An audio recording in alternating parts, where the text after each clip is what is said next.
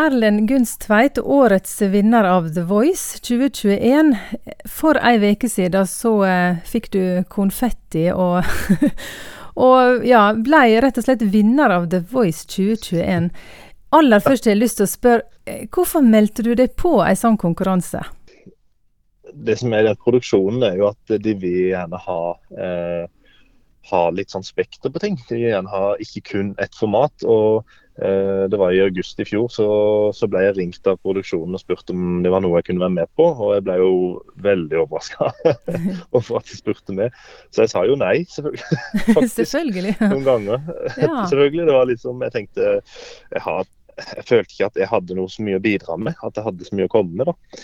Eh, og Så ble jeg spurt to ganger til, og så til slutt så sa jeg ja, jeg kan komme, godt komme inn og det hadde jo vært utrolig gøy, men jeg bare føler at jeg har ikke det som skal til for å ja, eh, møte opp. da. Eh, da. Men så gjorde jeg det, og så, så har jeg jo lært utrolig mye ja. på den reisa. Ja.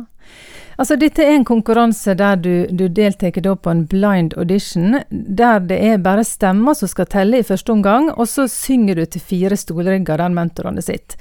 Eh, mm. Og jeg husker jeg så på den auditionen, og det gikk ikke mange orda ut i sangen før artisten eh, Tom Strete Lagergren, eller Matoma, snudde seg og sto og var veldig begeistra. Kan du beskrive den følelsen, gjerne både før du begynner å synge, men også når, når han så raskt reiste seg opp? Ja, jeg hadde med meg kjæresten min Ingvild, og vi hadde den der tanken om at det her er på en måte noe vi gjør for å ha det litt gøy, og, og en sånn hvis vi kan få en fin opplevelse, så er det verdt det. Uh, og Jeg hadde jo aldri tenkt at det var noen som skulle snu seg. Uh, så begynner jeg å synge, og jeg merker det at publikum klapper. Rett etter de er ferdig med å klappe, så ser jeg at uh, oi, der står det en fyr og jubler og heier. Og tenkte jeg oi, jøss. for den lyden som kom på TV, den der dung, den kommer jo ikke i salen. Og da tenkte jeg ja ja, nå, nå skal jeg bare synge og prøve å måtte gjøre det finest mulig, da. så det var jo helt utrolig følelse, egentlig. Og etterpå så var det helt sånn uvirkelig. Jeg har jo sett på de talentprogrammene helt siden jeg var liten, og i 2003 når, Kurt Nilsen vant. Og, og fikk på en måte den der, eh, det jeg mener er liksom den dårlige sida av eh, TV-bransjen. da, Med, med litt latterliggjøring og personfokus. Eh, så, så, jeg har på en måte vært, hatt mine tanker om sånne program tidligere. Så det her var liksom en sånn overveldende fin eh, opplevelse. da. Og så er det jo veldig mange flinke artister i The Voice, og alle er unike, men, men at som du har sagt, de stemmer skiller seg kanskje litt ut på stilen. Mer countryaktig, kanskje. Og du òg mm. uh, uttalte en gang at du var litt underdog. eh, men mm. at Matoma virkelig heier på deg. Altså, Hvordan var det å jobbe med han som mentor? Det var helt, helt, fantastisk. Ehm, jeg kunne jo ikke så mye om noen av mentorene egentlig før jeg ble med. Men når Tom snudde seg, og jeg skjønte bare på den utstrålinga hans at det her kunne bli veldig veldig gøy, så gikk det bare slag i slag, eh, runde etter runde med kjempegod energi og gode følelser og veldig en sånn entusiastisk varme. Da. Og jeg har jo lært utrolig mye av han, men i tillegg så har jeg måtte, lært mye om meg sjøl gjennom hele prosessen. Men spesielt med tanke på Tom. Han har invitert meg på kaffe og så har vi sittet og snakka i mange timer om helt andre ting enn The Voice, om mm. livet og framtid. Så det har på en måte vært en sånn medmenneskelig eh, greie i tillegg til synginga, mm. som har betydd mye for meg. da. Hva har du lært om deg sjøl, da? Det, det, er nok eh, det viktigste er kanskje at selv om jeg kan føle på at jeg ikke mestrer noe, og at jeg ikke er god nok, så, så er jeg faktisk det. Når jeg er med i ungdomsklubb her i Grimstad, da, så pleier jeg liksom å bruke mesteparten av tida på å prate om at hver enkelt er god nok. Og, og det er jo mange som føler at de ikke strekker til på noen ting. Og så prøver vi liksom å overbevise om at de er elska og de er gode nok. Ja. Og så har jeg kanskje ikke helt vært god nok til eh, å, å, si det til meg sjøl. Så da fikk du din egen lærdom egentlig tilbake? Ja, jeg gjorde egentlig det. Ja, du, men eh, god nok er du jo absolutt, eh, og også til å synge. Og du gikk jo av med seieren i den konkurransen. Jeg mener jeg las en eh, plass at det hadde ikke vært så mange stemmer noen gang? Ja, det var, det var visst både rekord på seertall og stemmetall. Og de har jo egentlig For jeg tror han, var, han produsenten var jo i ekstase hver fredag fordi at seertallene gikk oppover og oppover. Ja. og stemmetallene gikk oppover og oppover. Det er helt sånn unikt for sånne konkurranser. Vanligvis er det stort, stort fokus på det på vinteren og i starten, og så går det nedover mot sommeren. Eh, så han sa dette var en veldig unik sesong. Vi, mm. vi merka veldig lite til det, fordi vi hadde jo ikke publikum. Og, og eh, vi hadde jo ikke lov til å gå så mye rundt forbi. Så, så for vår del så var det mest den, der, den kjærligheten vi merka fra folk rundt forbi, som sendte meldinger og de sendte videoer. og de, de støtta virkelig. og Det var utrolig, ja, utrolig stas. Jeg regner med at du på en måte har vært i ei boble, du sa jo litt om det. Altså, Hvordan har det vært å komme tilbake til hverdagen nå? Nå har det jo bare vært ei uke, da, men Ja, jeg tror nok jeg er litt sånn i boble enda, fordi at ja. uh, på den ene sida så har du fullt program fra mandag til fredagskveld. Og uh, mm. du får en låt, og du får uh, fullt, fullt, opplegg med vokalcoach og med band og med mm. presse. og med, Du blir tatt rundt forbi hvor du skal. Og så plutselig kommer lørdagen, og så er det helt stille. Så Det var litt sånn overgang, uh, akkurat det. Mm. Men uh, nå er jeg jo veldig heldig som har eh, mye å gjøre til vanlig, så det har jo vært, vært fullt program etter, etter det òg. Men mm. Eh, sånn personlig så kjenner jeg at det er godt å komme tilbake til Sørlandet. For mm. Eh, det har vært eh, litt trasig. Du kjenner jo Oslo som en sånn pulserende by og mye folk og, og god stemning, men det har jo vært helt stille den måneden vi var der. da. Du eh, sa jo litt om at du var engasjert i, i ungdomsarbeid. Hva betyr trua for deg personlig, Erlend? For meg så er det, det På den ene sida er det noe som gir meg veldig mye, både energi og, og glede. Og på den andre sida så gir det meg en del utfordringer med mange spørsmål som dukker opp, som jeg kanskje vil finne svar på og sånne ting. Mm. Så eh, For meg så, som på en måte fant litt, litt troa i ungdoms, ja, det samme ungdomsarbeidet som jeg er med i nå, så, eh, så har det bydd på egentlig mest gode ting. Fordi at jeg har opplevd så mye fint sammen med andre. Eh, og fokus på, på måte, å gi og gi av kjærlighet. og og kunne, kunne, overbevise ungdom da, i en veldig sårbar fase om at uh, selv om de ser sånn ut eller ikke kan det, eller, så er de faktisk helt unike. Og, mm verdifulle. og Det er kanskje det som, det som står igjen for min del som det sterkeste. Og så er det mange ting som, som jeg aldri kanskje får svar på, som jeg fortsatt stiller spørsmål ved. Da. Eh, og Det er kanskje det som gjør det så vanskelig, men samtidig så spennende å holde fast ved en tro. da. Og så er du også med i politikken, i kommunestyret for KrF i Grimstad. Altså, Hvorfor tenker du det er viktig for kristne å engasjere seg i samfunnet sånn som du gjør òg?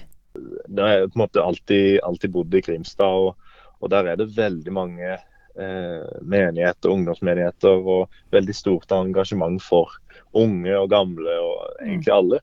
Og det, jeg ser på en måte verdien av, av det. Um, samtidig som uh, politikken på en måte er noe litt på sida. Uh, så det er litt sånn typisk når jeg ble spurt om å sitte i kommunestyret, så tenkte jeg ja, det, ja, ja, det, det har jeg ikke gjort. Og det, det, kan jeg sikkert gjøre. Ja. Uh, og så fant jeg veldig fort ut at det er veldig få unge som tenker at det er en fet greie. Eh, for når jeg kom inn der, så var jeg vel en eneste under Jeg var i hvert fall veldig alene med å være ung i et kommunestyre. Det var tøft på mange måter, for du, ble, eh, du måtte hele tida bevise at du kunne noe. For min del så handler det om å sitte i et kommunestyre og representere folk. da. At når folk har et ønske om noe, så, så tar du det med videre. Du må på en måte ikke kunne alt. Så jo flere spørsmålstegn, jo bedre for min del enn en akkurat utropstegn og at det, det, der er best på, så gjør vi gjør det sånn som vi vil.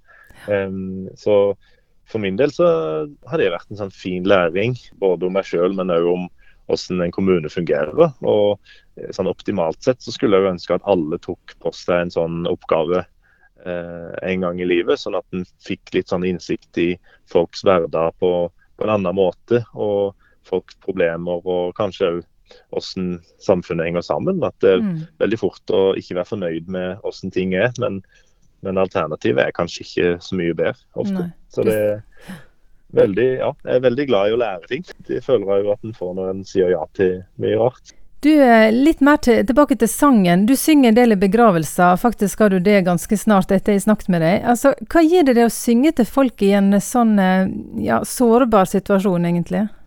Ja, Det syns jeg er veldig unikt, egentlig. For det merker jeg på alle menneskene som kommer i eh, Om det er en fullsatt kirke til vanlig eller noe som det er litt begrensa, så, så, er folk i en sånn helt Kanskje det mest sårbare de er, i en sorg. da. Og om, Enten om de tror eller ikke tror, så er de på en måte samla i en kirke som, som, skal ta vare på dem eh, sjøl i sin, ja, sin verste tid. da. Eh, og jeg merker jo det når jeg er inne og synger litt. og så får de et sånn lite kombinert med det som presten taler om, og så får de en sånn lite håp eh, i all motgangen. da. Eh, og, og, jeg syns det er fint, enten det er vielser eller om det er begravelser, å kunne gi en sånn når de ser tilbake på den dagen, så ja, men der var det noe godt. Oppi alt trist så var det noe som, som var fint og, og, deilig å holde fast ved. da. Så får jeg jo høre utrolig mange historier da, i gamle folk som har opplevd utrolig mye. Mm. Så du får litt perspektiver på ting. Du synger helt sikkert veldig mange forskjellige sanger i begravelser, men vi var litt inne på det i begynnelsen at det er noe sånn country og som du sier selv også litt musical. Du har sunget før iallfall mest. Eh, mm. Hva er det du liker aller best å synge? Er det country? Og har du oppdaga andre stilarter i løpet av denne konkurransen du var med på, gjerne? Har oppdaga mye nytt, men uh, jeg starta liksom med musikal for ti år siden. For da, var jeg i London og så Le Miserable og fikk ja. måtte øynene opp for den der historiefortellinga uh, som folk bare ble dratt med inn i. Mm. Um, og etter hvert så fant jeg ut at det er jo ikke så lett å synge musikal uten et uh, orkester eller med et veldig godt band. så da fant jeg andre sjangere jeg kunne prøve meg i etter hvert. Og da fant jeg countrysjangeren, som òg var en sånn mens du har, I musikalen så har du sånn pompøse, store historier som blir dratt gjennom et sånn historisk landskap. Så har du countryen som starter om morgenen og så er det ja, oi, oi, da var det soloppgang, det her blir en fin ja. dag. og, og nå, er det liksom, nå er det kaffekopp, og det er verdens fineste ting. Så det, mm. du har liksom de små tingene i hverdagen. da, og ja.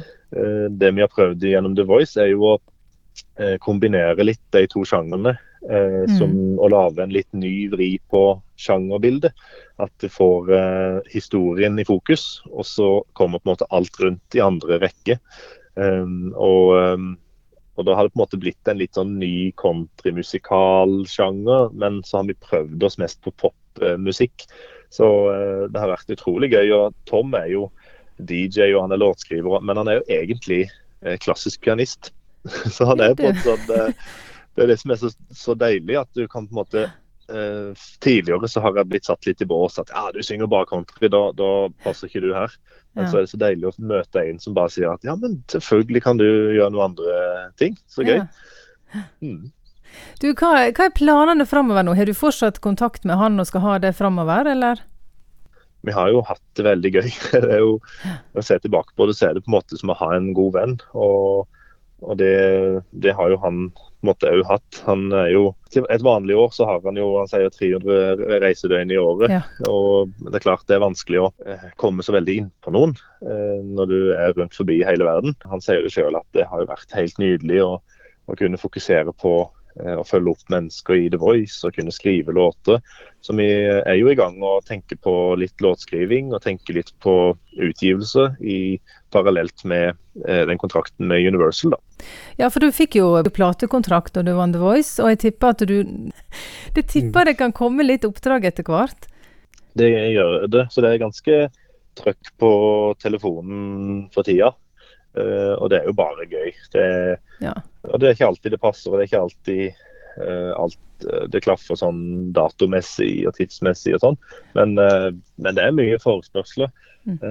og det er mange som, som ønsker å arrangere ting rundt forbi landet. og Det er jo det som er så deilig i en sånn situasjon at du vet ikke om dette egentlig går i det hele tatt, men du har så lyst til å mm. skape konsertopplevelser for mennesker. da. Og Det, ja. Det syns jeg er gøy, og at folk har fått øynene opp for, um, for det som jeg har gjort i, i The Voice. da. Det er gøy.